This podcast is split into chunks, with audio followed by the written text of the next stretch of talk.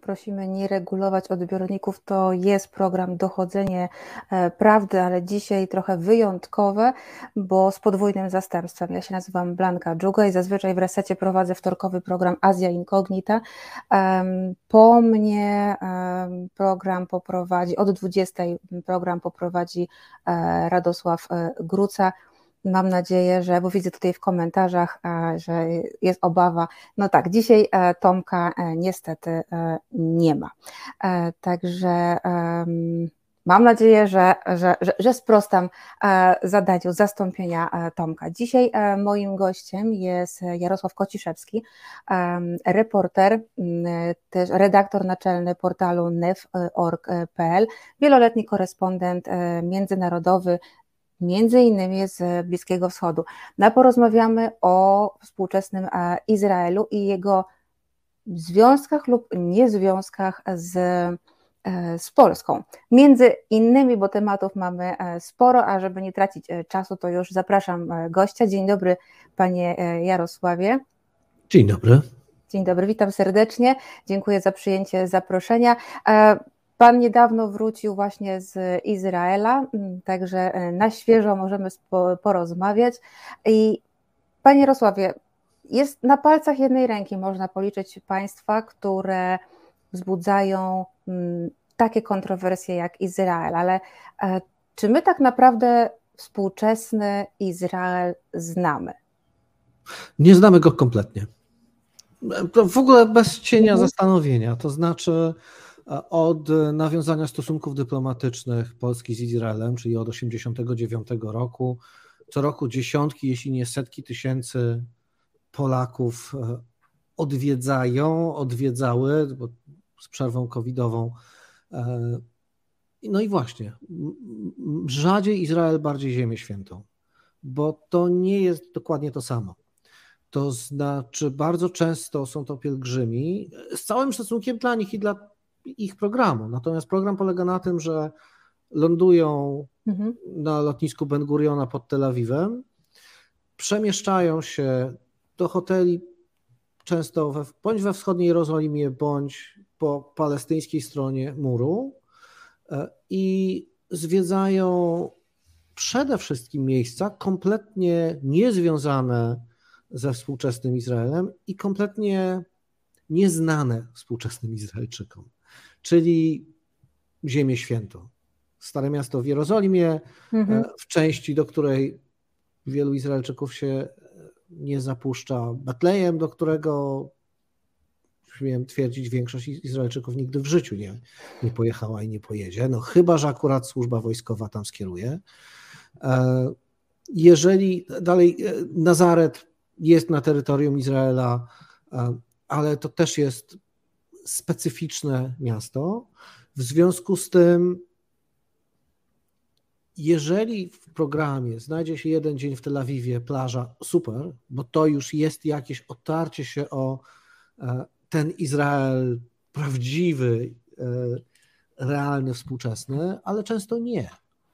Więc, e, więc tak naprawdę Izraela jako nowoczesnego, niezwykle dynamicznie rozwijającego się, ale także wewnętrznie bardzo podzielonego państwa nie, nie znamy i stąd pewnie żyjemy w jakimś takim świecie przeświadczeń, e, związków między Izraelem a Polską, wspólnej historii. Ona kiedyś gdzieś była, e, ale, ale z perspektywy Izraelczyków jest w ogóle nie, nieistotna. No właśnie, bo e, jeżeli myślimy teraz tak, przeciętny e, człowiek, e, przeciętny Polak, jak słyszy słowo Izrael w mediach tych, tego głównego nurtu, to słyszy tak, konflikt izraelsko-palestyński, o którym na pewno zaraz porozmawiamy, Pegasus ostatnio, tak, zamieszanie, jeśli chodzi o to, czy Izrael może być w Mistrzostwach Europy, czy może niekoniecznie. I tak naprawdę to wszystko. Więc... No to nie jest tak źle, bo z trzech tematów, które pani wymieniła, e, jeden rzeczywiście część Izraelczyków zajmuje, czyli piłka nożna. Aha, okej, okay, e, dobrze. E, cała reszta jest kompletnie nieistotna.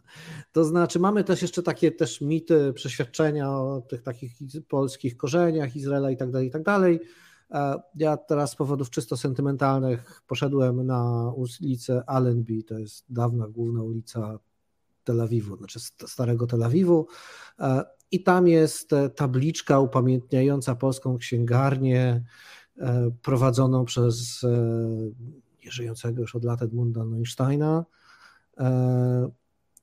którego odwiedzałem dawno, dawno temu i, i, i, kupowałem u niego i wymieniałem książki, bo to taki był deal, że można było e, kupić książkę, ale ołówkiem była zapisana cena, którą się wymieniało na nową książkę, na poczet nowej książki, jak się tamtą oddało.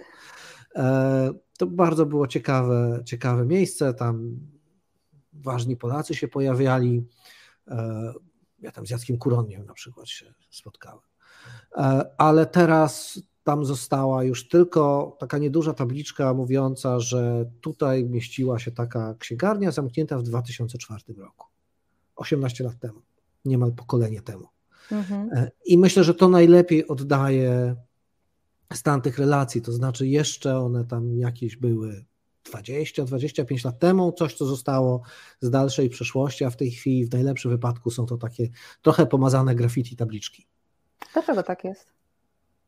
E, dlatego, że po pierwsze, mm, ja własne opinie tutaj Oczywiście. będę podawał, bo, bo, bo nie, nie prowadzę badań naukowych, tylko od trzech dekad obserwuję. Ale obserwacja to jest część badań naukowych, panie redaktorze. Ale systematyka nieco inna. E, natomiast e, po pierwsze, rzeczywiście były te duże emigracje e, Żydów z Polski, mówiących w języku polskim. Mhm. 67, 56 rok. E, niekoniecznie wszyscy od razu wyjeżdżali do Izraela, ale część z nich ostatecznie w Izraelu lądowała. E, rzeczywiście znacząca grupa ocalałych z Holokaustu, mówiących po polsku, do Izraela trafiła, zwłaszcza po pogromie kieleckim. E, rzeczywiście wielu e, twórców idei syjonistycznej pochodziło z ziem polskich i, i mówiło po polsku. Mhm. E, I tutaj nie ma w tym za bardzo konotacji negatywnych, czy nie ma w ogóle. Tak? Dawid Ben-Gurion z Płońska jako 19-latek na początku ubiegłego wieku wyjechał do Palestyny nie dlatego, że uciekał, tylko dlatego, że śnił o państwie żydowskim w czasach, kiedy budziły się e, również w Europie nacjonalizmy i Polacy dążyli do niepodległości. Dlaczego Żydzi mieliby nie dążyć do niepodległości? E, o tym, jak dobrze wspominał Płońsk, może świadczyć fakt, że 17 lat po wyjechaniu e, do jeszcze mandatowej Palestyny swoją żonę i najstarszą córkę po 17 latach wysłał na wakacje do Płońska. No I one tam pół roku mhm. E, spędziły. Czy Nahum Sokołow, e, twórca izraelskiej prasy, e, urodzony w Wyszogrodzie, młodość, dzieciństwo w Płocku spędził człowiek, który całe życie mówił i myślał po polsku, a, a koledzy syjoniści śmiali się, że jest jedynym spośród nich, który uważa się za polskiego szlachcica.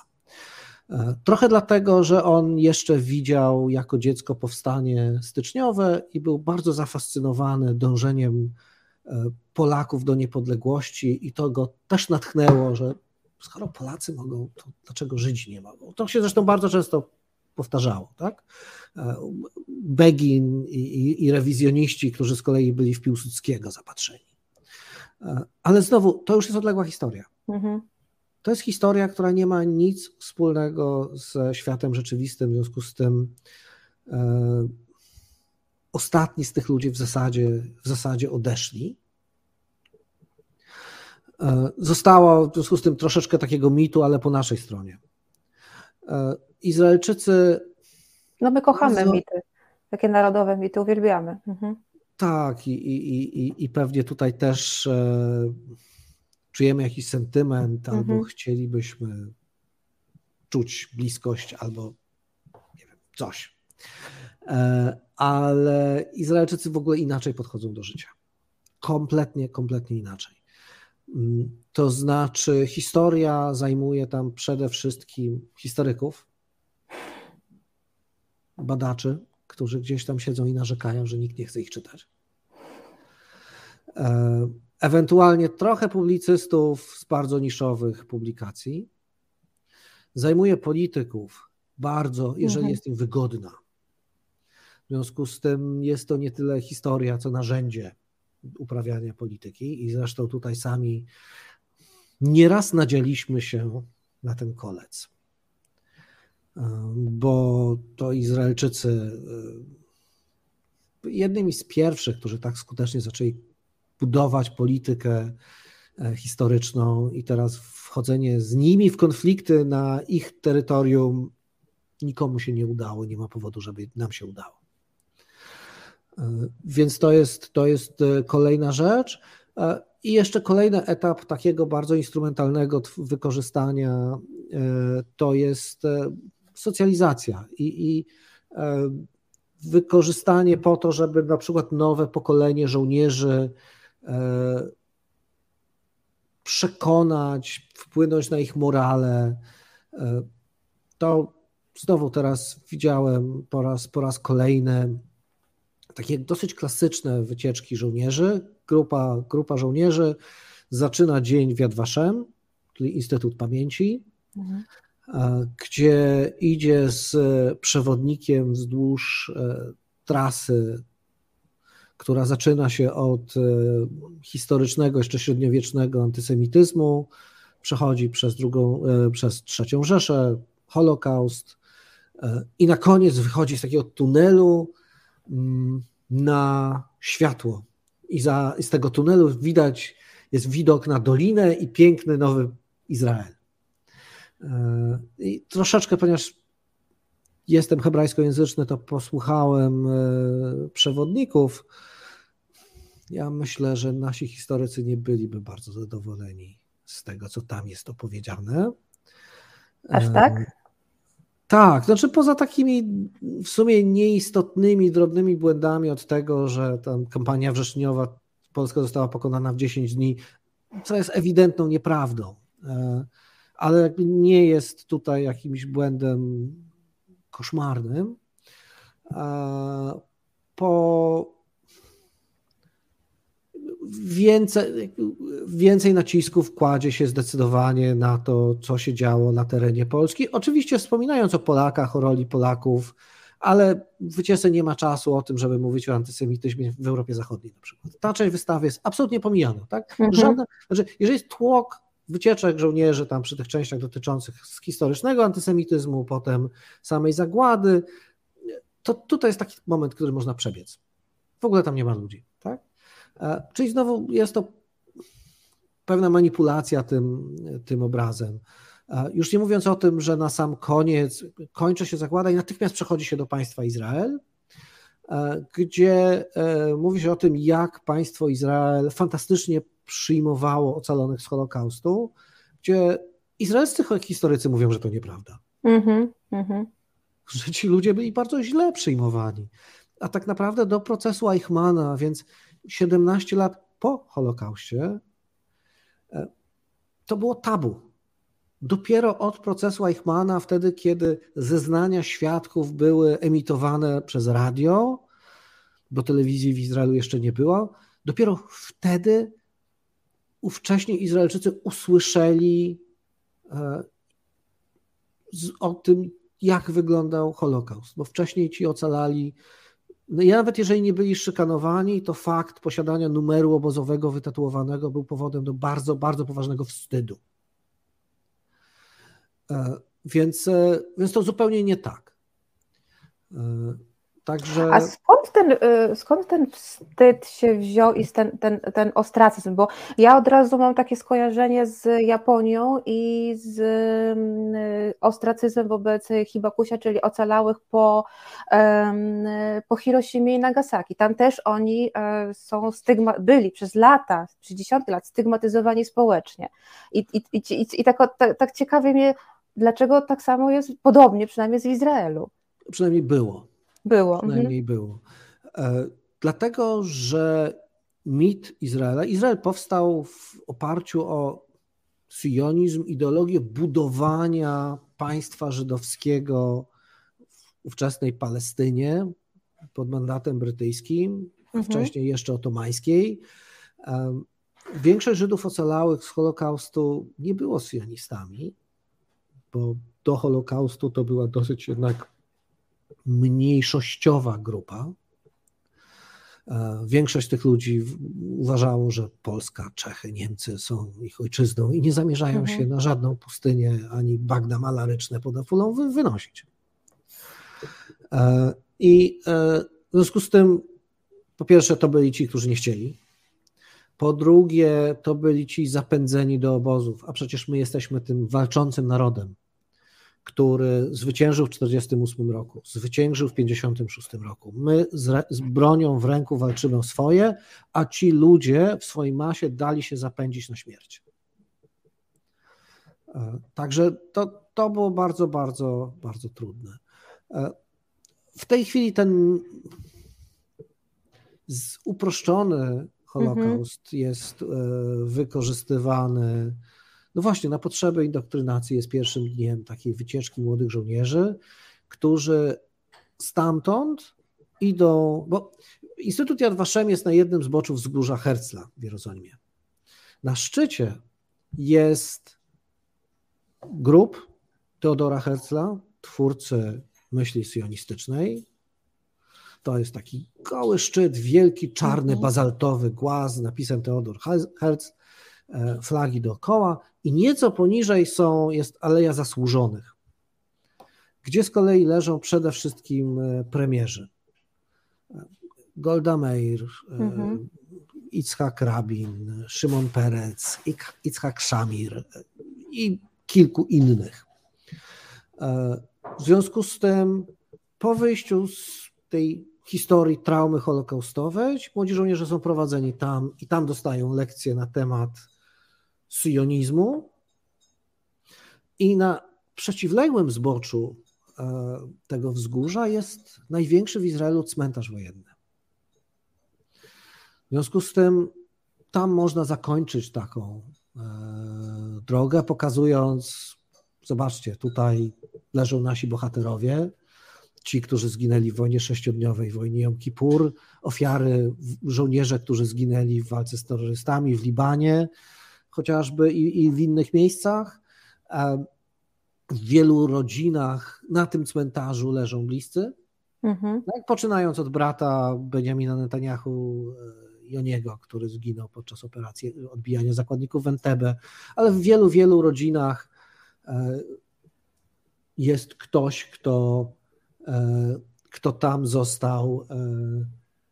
Przepraszam bardzo, pomoc a to bardzo ważna pomoc, absolutnie. Jest to bardzo ważna pomoc naukowa. absolutnie. E, I e, w związku z tym, e, ponieważ w wielu rodzinach tam jest, no to łatwo Izraelczykom się do tego mhm. odnieść, tak? Czyli mamy całą taką trasę od mroków Holokaustu, myśl sojenistyczną po potrzebę walki. Tak? I to są ludzie w mundurach, którzy z wojskowymi przewodnikami tę trasę przechodzą ona nie ma nic wspólnego z tym, co my myślimy o historii Izraela i z tym, co nam się wydaje. I znowu jest to, przepraszam, narzędziówka. Mhm. Chodzi o to, żeby tym żołnierzom pomóc zrobić to, co mają przez 2, 3, 5 lat swojego życia robić. Um, historycy wielokrotnie izraelscy rozdzierają szaty. Mówią, nie, nie, no nie, to trzeba niuansować, to nie takie proste ale przecież było inaczej, ale, ale no to, to politycy zajmują się wychowaniem i tworzeniem programów, a nie historycy. Świetnie zresztą o tym wiemy. E, więc, e, mm, więc gdzieś, te, gdzieś ta historia, już nie mówiąc o wspólnej historii, zanika. Nie mówiąc o tym, że współczesne takich zwykłych Izraelczyków na, na ulicy to naprawdę historia nie interesuje. Tak? Mhm. Znaczy to, co ich interesuje, to to, żeby nie zginąć na ulicy, jak jadą hulajnogą. Właśnie. To jest nieszczęście, naprawdę. To znaczy e, po miastach hulajnogi jadące pod prąd z prędkością światła to jest dramat. Albo zajmują się biznesem, zajmują się technologiami. W końcu nie przypadkiem mówi się o tym, że jest to społeczeństwo startupów. No właśnie, właśnie do tego chciałam też przejść za jakiś czas, Panie Jarosławie, ja myślę też, że, mm, że życie w takim kraju właśnie jak Izrael e, sprawia, że mamy inne priorytety i my tutaj w Polsce możemy sobie e, się babrać w historii, e, bo mamy póki co, jeszcze przynajmniej trzy miesiące temu, mieliśmy święty spokój. Mm, ja tylko tutaj, jeśli Pan pozwoli, uspokoję widzów, bo tutaj padły pytania na początku programu, czy u Tomka ok? Tak, ok, po prostu się rozchorował, nawet Tomasza pokon, e, można, czasami pokonują e, e, niestety wirusy. Jest pytanie o Hamas, do pani redaktor o Hamas, ale ja pozwolę sobie mm, wrócić do niego, jak będziemy rozmawiać o konflikcie izraelsko-palestyńskim i może oboje sobie odpowiemy na to pytanie, bo będziemy mieli pewnie troszkę inne, inne spojrzenie, ale pojawiło się pytanie, czy to Izraelowi zależy na tym, żeby go nie poznawać. I, i to jest właśnie dobry, dobry, dobry taki punkt wyjścia do pytania, jak Izrael e, działa na arenie międzynarodowej? Czy to jest państwo, które raczej się izoluje, zajmuje się swoimi sprawami, czy, czy, czy, czy, czy raczej e, no, zawiera sojusze e, i jest aktywny? Znaczy, Izrael zajmuje się swoimi sprawami przede mhm. wszystkim, mm, absolutnie jest skoncentrowany na sobie i polega wyłącznie na sobie. Dlatego mhm. Izrael nie należy do żadnego sojuszu i nawet jak za czasów Donalda Trumpa pojawił się pomysł militarnego sojuszu amerykańsko-izraelskiego, to izraelscy wojskowi przede, przede wszystkim powiedzieli po naszym trupie. Aha. Absolutnie żadnych sojuszy, które ograniczają naszą swobodę działania. Mhm.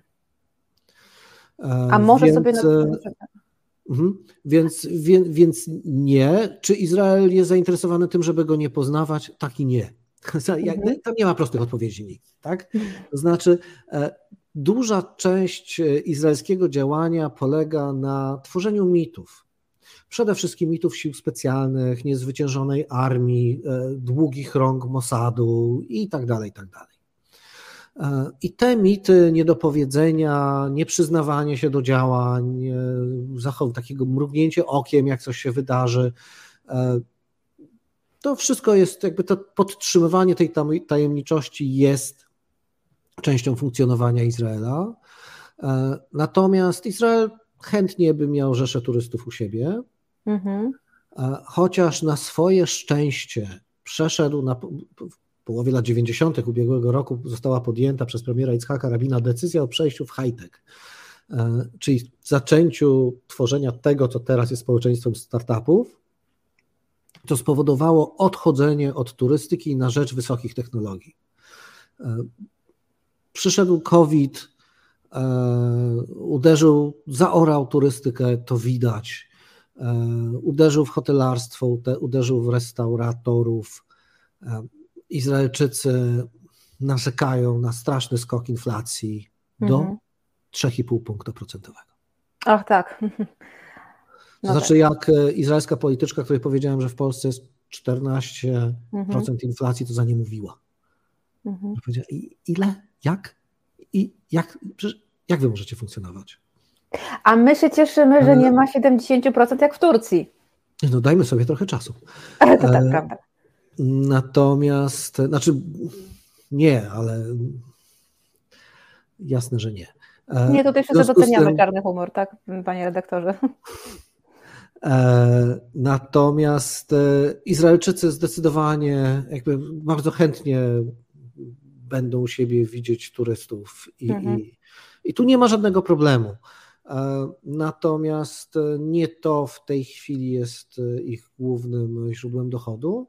Natomiast to nie jest kraj, który się e, ukrywa. Jest to kraj, który, może inaczej, my troszeczkę zmieniliśmy sposób funkcjonowania. Dlatego, że od 18 lat należymy do Unii Europejskiej, e, zapomnieliśmy o tym, co to znaczy do niej nie należeć. Mhm.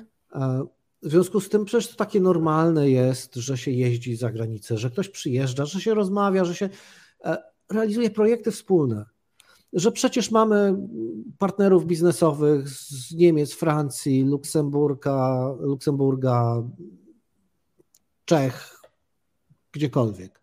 Bo to jest takie normalne. Żyjemy w takim otwartym ekosystemie.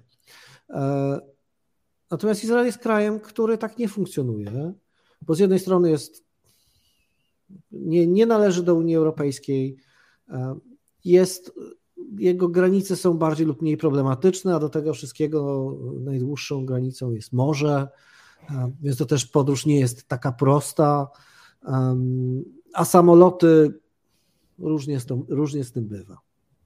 W związku z tym e, to zamknięcie Izraelczyków wynika z jednej strony z kwestii bezpieczeństwa, trochę z geografii, e, a przede wszystkim z tego, że jakby nasza percepcja jest, moim zdaniem, nasza percepcja się bardzo, bardzo zmieniła, bo wydaje mi nam się, że, że to taki, tak jest naturalne, że przecież nic nie trzeba robić, żeby z całym światem się komunikować. E, tymczasem pobyt w Izraelu pokazuje, że tak nie jest i, i można być e, za rozmaitymi barierami. Wspomniała Pani o tym, że Izraelczycy może są tacy zamknięci, dlatego że się obawiają. Mhm. Izraelczycy się nie obawiają. Mhm. To znaczy, to jest kolejna zmiana ostatnich lat.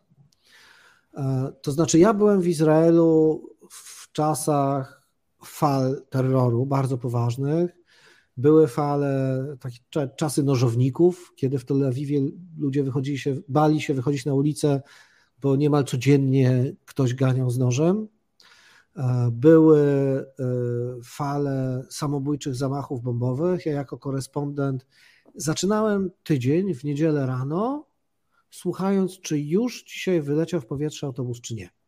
Mhm. Dlatego, że niedziela rano w Izraelu jest pierwszym dniem tygodnia, po, po weekendzie ruch do pracy i wtedy regularnie terroryści samobójcy wysadzali w powietrze autobusy.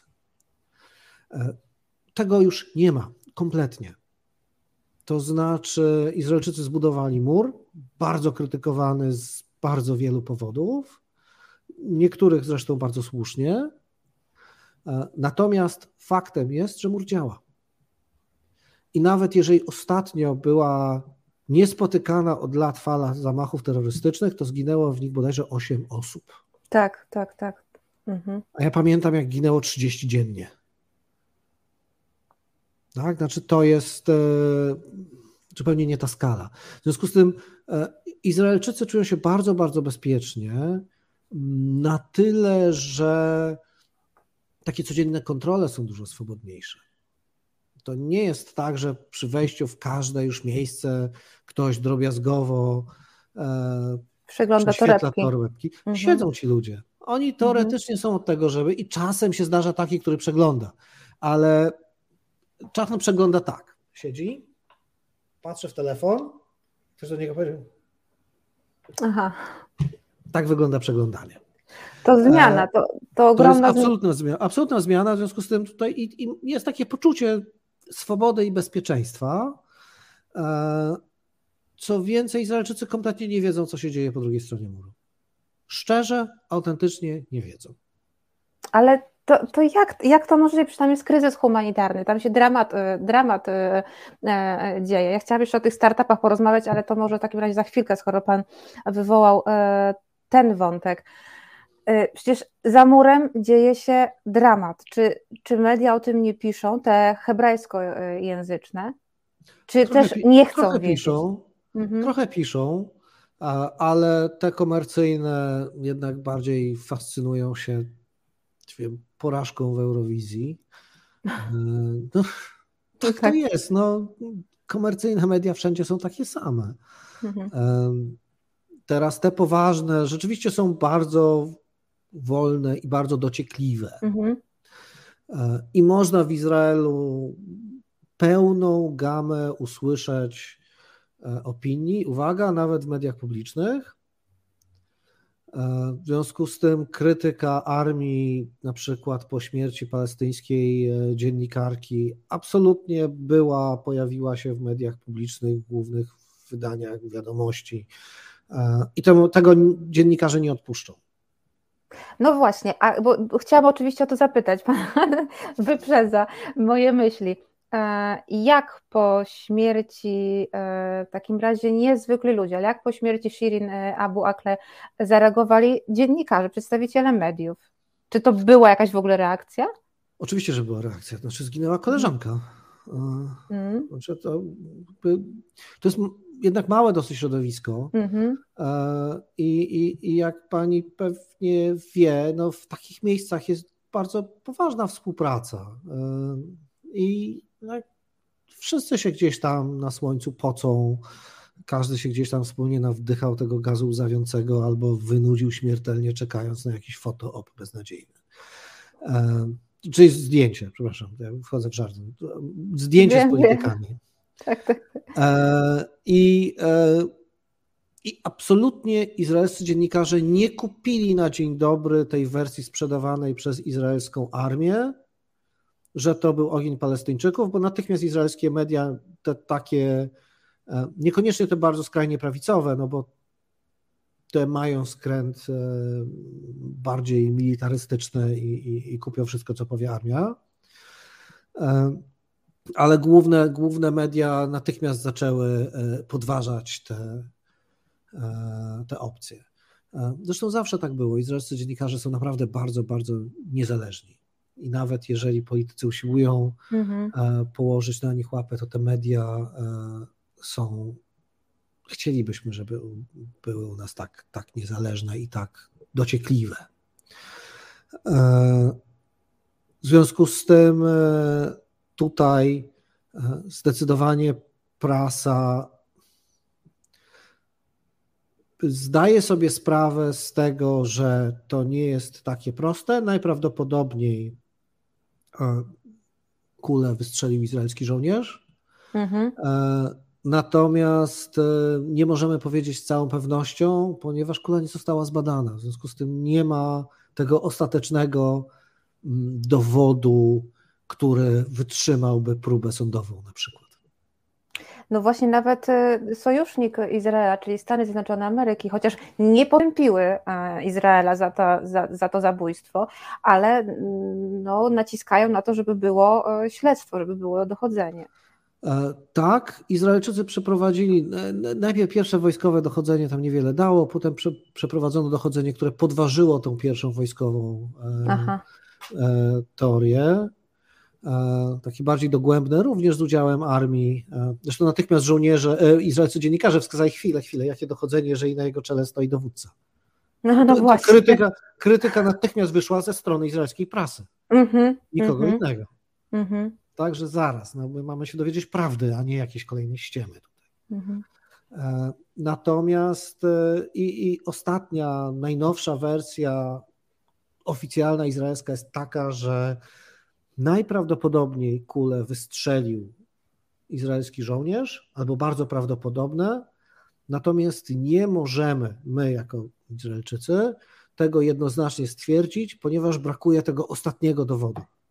Mhm. Kula jest w rękach Palestyńczyków, nie chcą jej przekazać izraelskiemu instytutowi, który zajmuje się e, badaniem takich rzeczy. W związku z tym i prawdopodobnie na tym etapie ta historia zostanie. To znaczy, każdy będzie mógł mówić to, co jest mu wygodne, mm-hmm, mm-hmm.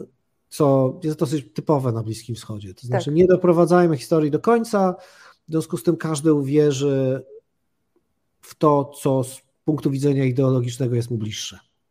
Jest to dramat, Mhm. E, bo to znaczy, że ta śmierć będzie wykorzystywana dokładnie przez każdego w powodu, e, z każdego powodu. Tak? Znaczy, tych, którzy będą chcieli mówić, że zbrodniczy Izrael, snajper celowo strzelał, e, zawsze będzie, no, będzie ta luka, która pozwoli mówić, no, że tak jest, albo ci, którzy powiedzą, że a, to antysemici mówią, że to żołnierz tak. strzelał, ale przecież Palestyńczycy też tam strzelali, przecież nie ma kuli.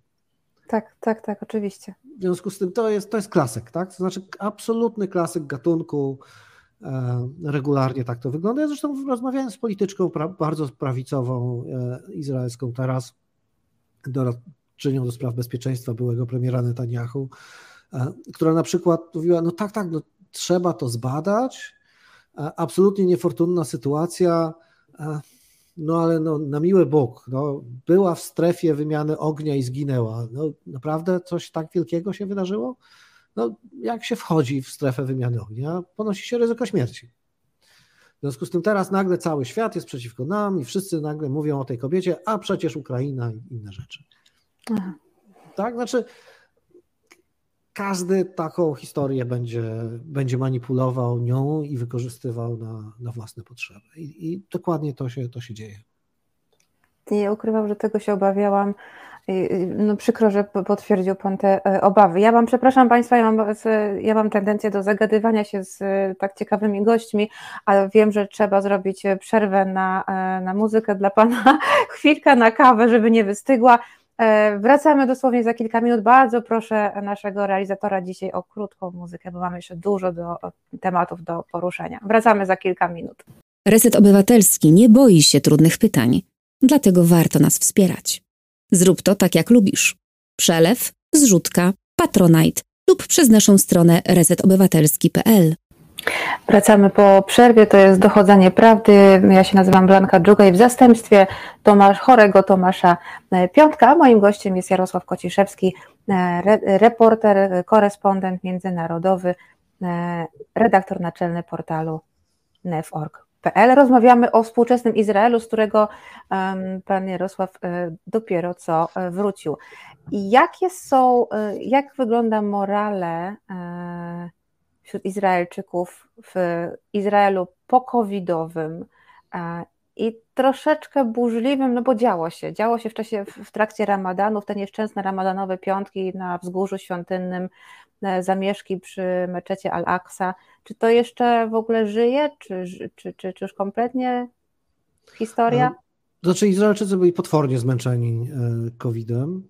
Mhm. E, znaczy restrykcje były dużo poważniejsze niż w Polsce, mhm. E, znacznie dłużej trwały, tak naprawdę do końca, prawie do końca maja były tam ograniczenia i testy przy e, wlatywaniu do Izraela.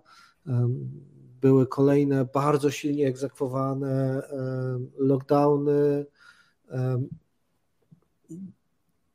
stosunkowo dużo, znaczy bardzo powszechna, duża liczba testów, e, ostre kwarantanny, e, mhm. jak na, w porównaniu do Polski stosunkowo niewielka liczba e, zmarłych, ale no to wynikało z tego, że przede wszystkim Izraelczycy no bardzo ściśle przestrzegali tych reguł, państwo bardzo ściśle je egzekwowało, a poza tym przede wszystkim dosyć szalony poziom testów wprowadzono, w związku z tym bardzo szybko byli ludzie wyłapywani chorzy, co pozwalało, co ratowało życie. Mhm. Więc, więc mimo tego, że odnotowano dużą, stosunkowo dużą liczbę zachorowań, e, względnie mało ludzi e, zmarło. E, także tutaj Izraelczycy z wielką ulgą i radością wracają e, do, do normalnego funkcjonowania, do słońca, plaży, e, a przede wszystkim do kawiarni i, i restauracji. Jeżeli chodzi o bezpieczeństwo, w tym roku Ramadan przebiegł przecież bardzo spokojnie. To znaczy, w ubiegłym roku Ramadan zakończył się 11-dniową. No tak. E, Dokładnie. Wszystko jest kwestią skali i punktu odniesienia.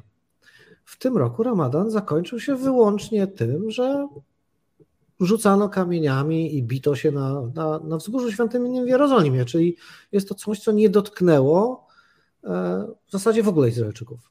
Mhm. Znaczy, to jest to działanie muru, ta bardzo, bardzo głęboka separacja.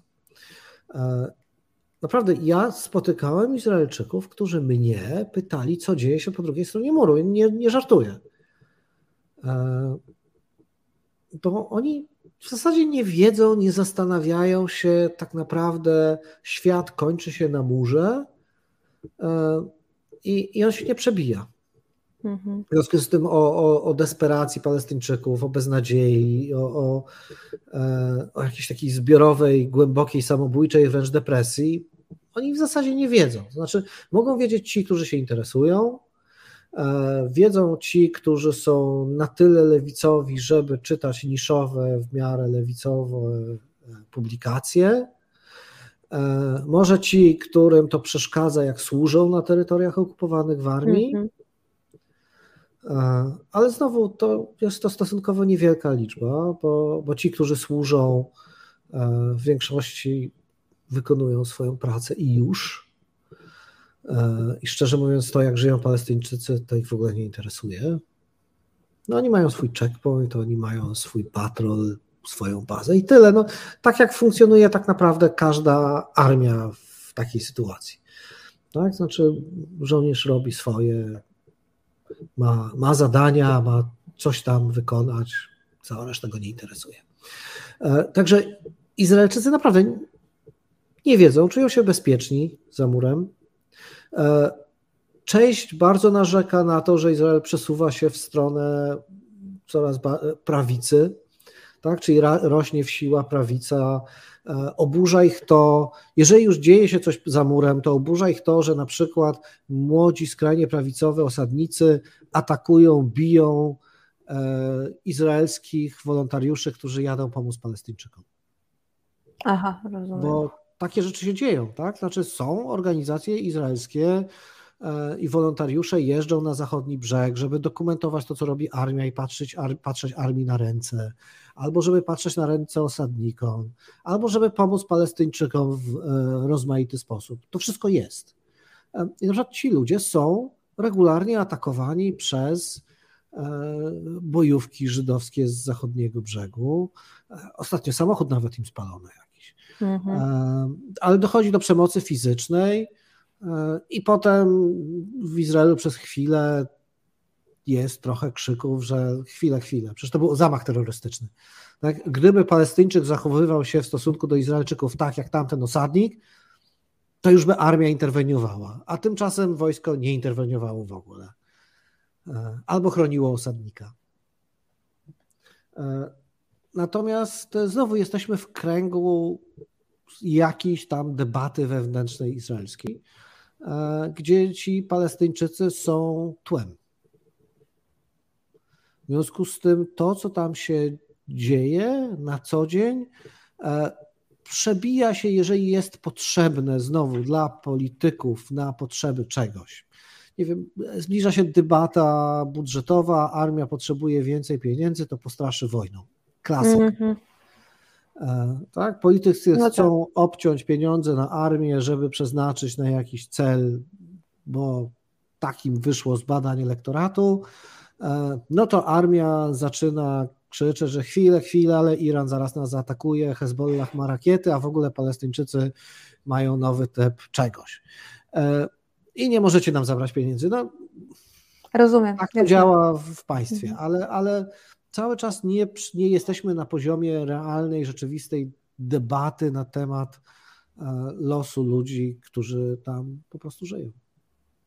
Ale to, e, czy w takim razie Izraela nie interesuje, e, bo przecież wiele państw arabskich, sytuacja w wielu państwach arabskich pokazała, arabsko-muzułmańskich, pokazała, że nie ma nic gorszego niż sfrustrowani, przybici, zdesperowani, młodzi no zwłaszcza mężczyźni, że to jest idealne, przepraszam bardzo, mięso dla wszystkich organizacji terrorystycznych, czy to jest Daesh, czy to jest e, Hezbollah, Hamas i tak dalej. Oni właśnie takich młodych ludzi werbują. Czy Izrael się nie boi, że, że, że, że hoduje, przepraszam brzydko mówiąc, że hoduje za murem e, kolejne pokolenie terrorystów? Izrael jest świetny w zabijaniu terrorystów. No tak, to, to prawda. Jeżeli ludzie postanowią zginąć od kul izraelskich żołnierzy i mhm. zaatakują izraelskich żołnierzy, to oni będą wyćwiczeni i przygotowani na to. Mhm. Znaczy, nie, to jest zupełnie inne myślenie. Mhm. E, Izrael jest państwem, które polega dla własnego, na, w sprawie własnego bezpieczeństwa, polega tylko i wyłącznie na własnej sile i własnym przygotowaniu. Nie ma organizacji terrorystycznej, która by była w stanie realnie Izraelowi egzystencjalnie zagrozić. E, Izraelczycy, doświadczenie ich nauczyło, że mają wystarczająco dużo siły, żeby sobie z tym poradzić. Ja zresztą im wytykam, znaczy rozmawiając ze znajomymi, ja wielokrotnie mówiłem, słuchajcie, jesteście tak silni, że mięśnie powodują, że przestaliście myśleć. E, bo, bo, trochę na tym to polega. To znaczy, mhm. E, Izraelczycy im bardziej czują się potężni i silni, tym mniej są fizyjni w tym, co robią i mniej myślący. Może jest to naturalny proces, nie wiem, może tak być. W związku z tym to, czego się realnie obawiają, to irański program nuklearny. Mhm. Obawiają się tego, że jeżeli dojdzie do wojny z Hezbollahem w Libanie, to mogą ponieść znaczące, bolesne straty. Ale są przygotowani do tego, żeby e, zaorać wszystko między granicą a Bejrutem, jak będzie trzeba. Jak będzie trzeba, to to również zrównają i wybetonują. Znaczy to jest takie klasyczne izraelskie powiedzenie, zbudowanie wielkiego parkingu między granicą a Bejrutem. Mhm. E, po prostu, czysto siłowo, bez sentymentów, bez. Jak zostaną zaatakowani, e, to użyją nieproporcjonalnie wielkiej siły po to, żeby wygrać. Jakby takie jest, takie jest myślenie, tak? E, znowu, żadnych tutaj nie ma, tu nie ma sentymentów. To jest troszeczkę tak, jak e, jest taki od dawna taka naszywka, peace through superior firepower, czyli e, pokój przez e, przewagę ognia. Mhm. No, to jest dokładnie izraelskie myślenie. To znaczy, jak na razie nie zdarzyło się, żeby wróg siłą był w stanie zagrozić realnie Izraelowi. W związku z tym, to im się sprawdza i, i to kontynuują. Zdając sobie sprawę oczywiście racjonalnie z tego, że to też będą koszty, to znaczy przynajmniej decydenci mhm. zdają sobie sprawę. Ale dopóki to się nie dzieje, zwykli Izraelczycy budują swoje startupy, siedzą w kawiarniach i e, zabijają się na hulajnogach i świetnie się bawią. Jak widać, e, osoby jeżdżące na hulajnogach pod każdą szerokością geograficzną są takie same, e, bo w Polsce też się zabijają. Panie redaktorze, koalicja im się sypie. Benjamin Netanyahu już przypomina swoje słowa sprzed roku, że wróci do władzy i że to będzie szybciej, jak on to powiedział, że to będzie znacznie wcześniej niż myślicie. I rzeczywiście może tak być, czy jednak jakoś się utrzyma ten obecny rząd? E, to znaczy, wróżenie w izraelskiej polityce jest szalenie ryzykowne i nie wiem, to znaczy to jest kraj permanentnego kryzysu politycznego przecież. Mm -hmm. W związku z tym, jeżeli, powiem tak, jeżeli będzie istotne ryzyko tego, że Benjamin Netanyahu przejmie władzę, to koalicja się pewnie utrzyma. Natomiast jeżeli panowie w koalicji uznają, że on jest na tyle niegroźny, że można przejść przez kolejne wybory e, i umocnić swoją pozycję. E, czy to jest prawda, czy nie, to jest inna historia, ale, mm -hmm, ale mhm. jeżeli tak będą przekonani, e, to wtedy rząd się rozpadnie. Albo ktoś, przepraszam, się obrazi na kogoś, ale zazwyczaj, jeżeli ktoś się obraża, to można go kupić z powrotem. Tak? Znaczy, to jest, to jest wielki bazar, izraelska, izraelska polityka, tak to, tak, tak to wygląda i, i, i tutaj dopóki coś się nie wydarzy, ja jestem daleki od, od przewidywania, bo tam może, naprawdę może się wydarzyć wszystko. Zresztą może się okazać, że, że rząd się sypie, ale skądś nadleciała jakaś celna rakieta, która wywołała wojnę. Ach, no tak. I, I znowu wszyscy zewrą szeregi i będzie pół roku walki ze wspólnym wrogiem, bo są rzeczy ważniejsze niż bieżąca polityka. No a ta rakieta prędzej czy później nadleci. Tak, nie no, zawsze nadlatuje, tak? Mhm. Natomiast e, po prostu to jakby liczba nieprzewidywalnych czynników tam jest tak wielka, tak, tak teraz. Ogłosili czwarty najwyższy stopień pogotowia dla Izraelczyków na terytorium Turcji. Mhm. E, ponieważ wywiad izraelski donosi, że e, Irańczycy szykują zamach, zamachy na Izraelczyków w Turcji nie byłby to pierwszy raz. Były już samobójcze no tak. zamachy przeciwko Izraelczykom w Turcji. Zważywszy na to, ile wybuchów i strzelanin jest przypisywanych Izraelczykom w Iranie, mhm. E, jakby dosyć naturalne jest, że Izraelczycy za granicą się pilnują. Zresztą od tego mają wywiad. E, więc jeżeli jest tak poważne ostrzeżenie, to pewnie coś jest na rzeczy. Mhm. Izraelczycy dmuchają na zimne, bo, bo bezpieczeństwo traktują absolutnie priorytetowo. To jest mhm. najważniejsza rzecz na świecie dla nich. Natomiast jeżeli tak poważne ostrzeżenia ogłaszają, to one nie biorą się znikąd. Natomiast oczywiście, jeżeli uda się uniknąć, no to wtedy tak będziemy mogli oczywiście mówić, że niepotrzebnie, bo nic się nie wydarzyło. Natomiast e, prawdy i tak się nigdy nie dowiemy, bo, bo to są historie, które się rozgrywają gdzieś głęboko pod ziemią. Zaskoczył mnie Pan, bo Iran ma teraz tyle wewnętrznych problemów e, i tak nie potrafi się ogarnąć z tych, e, z tych problemów, że naprawdę e, zamachy na Izraelczyków w Turcji, no, no ale no, wywiad... No, nie, zewnętrzny, zewnętrzny, po pierwsze zewnętrzny wróg jest zawsze wygodny na potrzeby rozwiązywania własnych, wewnętrznych problemów. To prawda, a wreszcie ktoś musi stanąć w roli wroga obok Stanów Zjednoczonych i NATO, nie? Tak, albo, mieć, albo fajnie jest mieć sukces, tak? Jakby, o, jeżeli się udało e, małemu szatanowi zrobić krzywdę, no to super. E, ale, e, ale poza tym to też jest tak, że to troszkę jednak inne komórki zajmują się mhm. międzynarodowym terroryzmem, a w szczególności outsourcingiem międzynarodowego terroryzmu, bo to przecież jest franszyza w dużej mierze,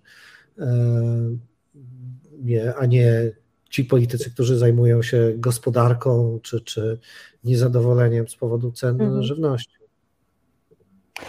Powinniśmy już kończyć, ale mam nadzieję, że Radek się nie, mm, się nie obrazi. Jeszcze jedno pytanie od widza. A jaki wpływ mają grupy ortodoksyjne na ogólną politykę Izraela? Zwłaszcza ostatni rok, przecież ta koalicja jest dosyć mocno egzotyczna. E, to znaczy tak, e, ortodoksi mają duży wpływ na politykę, dlatego że mają partie polityczne, które tradycyjnie są obrotowe, mhm. to znaczy za przywileje dla własnego elektoratu gotowe są e, poprzeć lewicę czy prawicę, wszystko jedno. Mhm. Są to partie, które nie mają żadnego problemu zazwyczaj z partiami arabskimi, bo to jest mhm. zupełnie inna, inna bajka. Więc to są partie, które odgrywają ogromne znaczenie w takim bardzo, bardzo klasycznej, wewnętrznej polityce.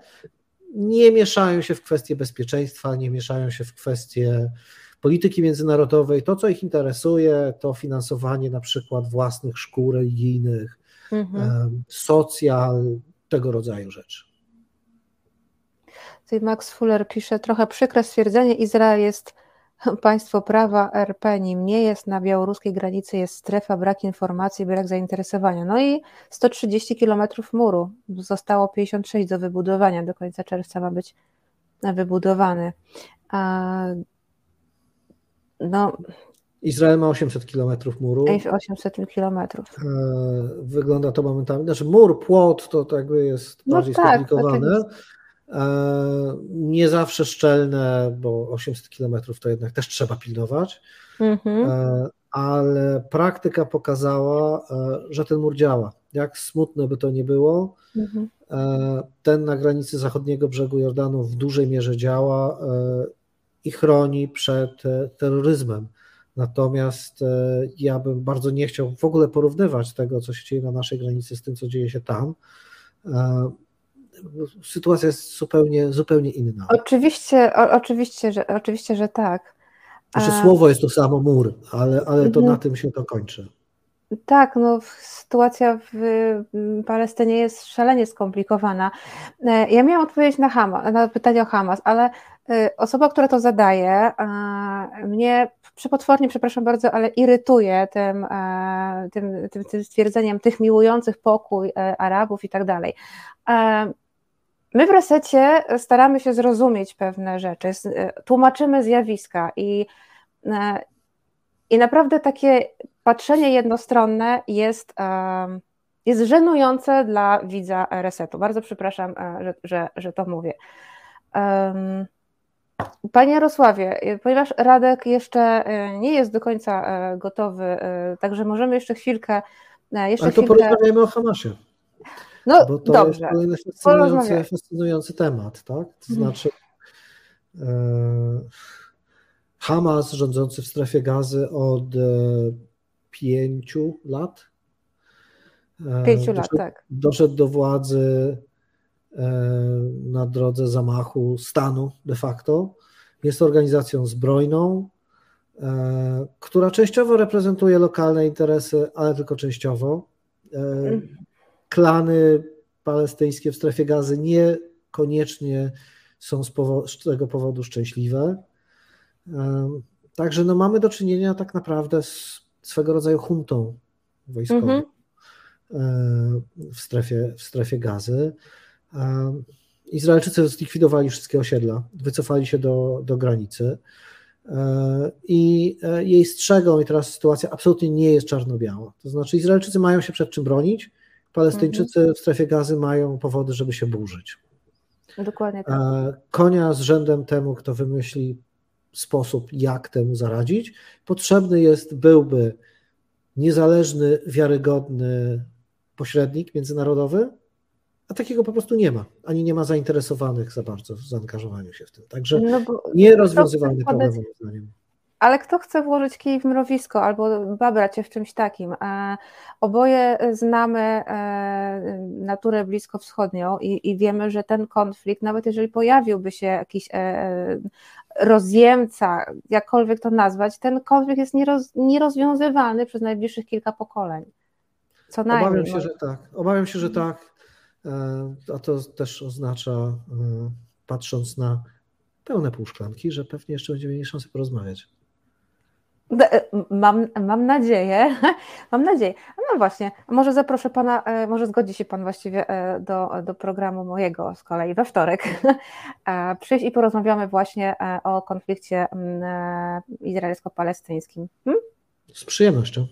A, to bardzo dobrze. To w takim razie odzywam się do, do Pana po programie, bo dostaję już tej info, że, że niestety musimy na dzisiaj e, kończyć. Także e, dziękuję bardzo. Moim gościem był Jarosław Kociszewski, reporter, korespondent e, międzynarodowy, głównie z Bliskiego Wschodu, ale nie tylko, redaktor naczelny portalu nef.org.pl.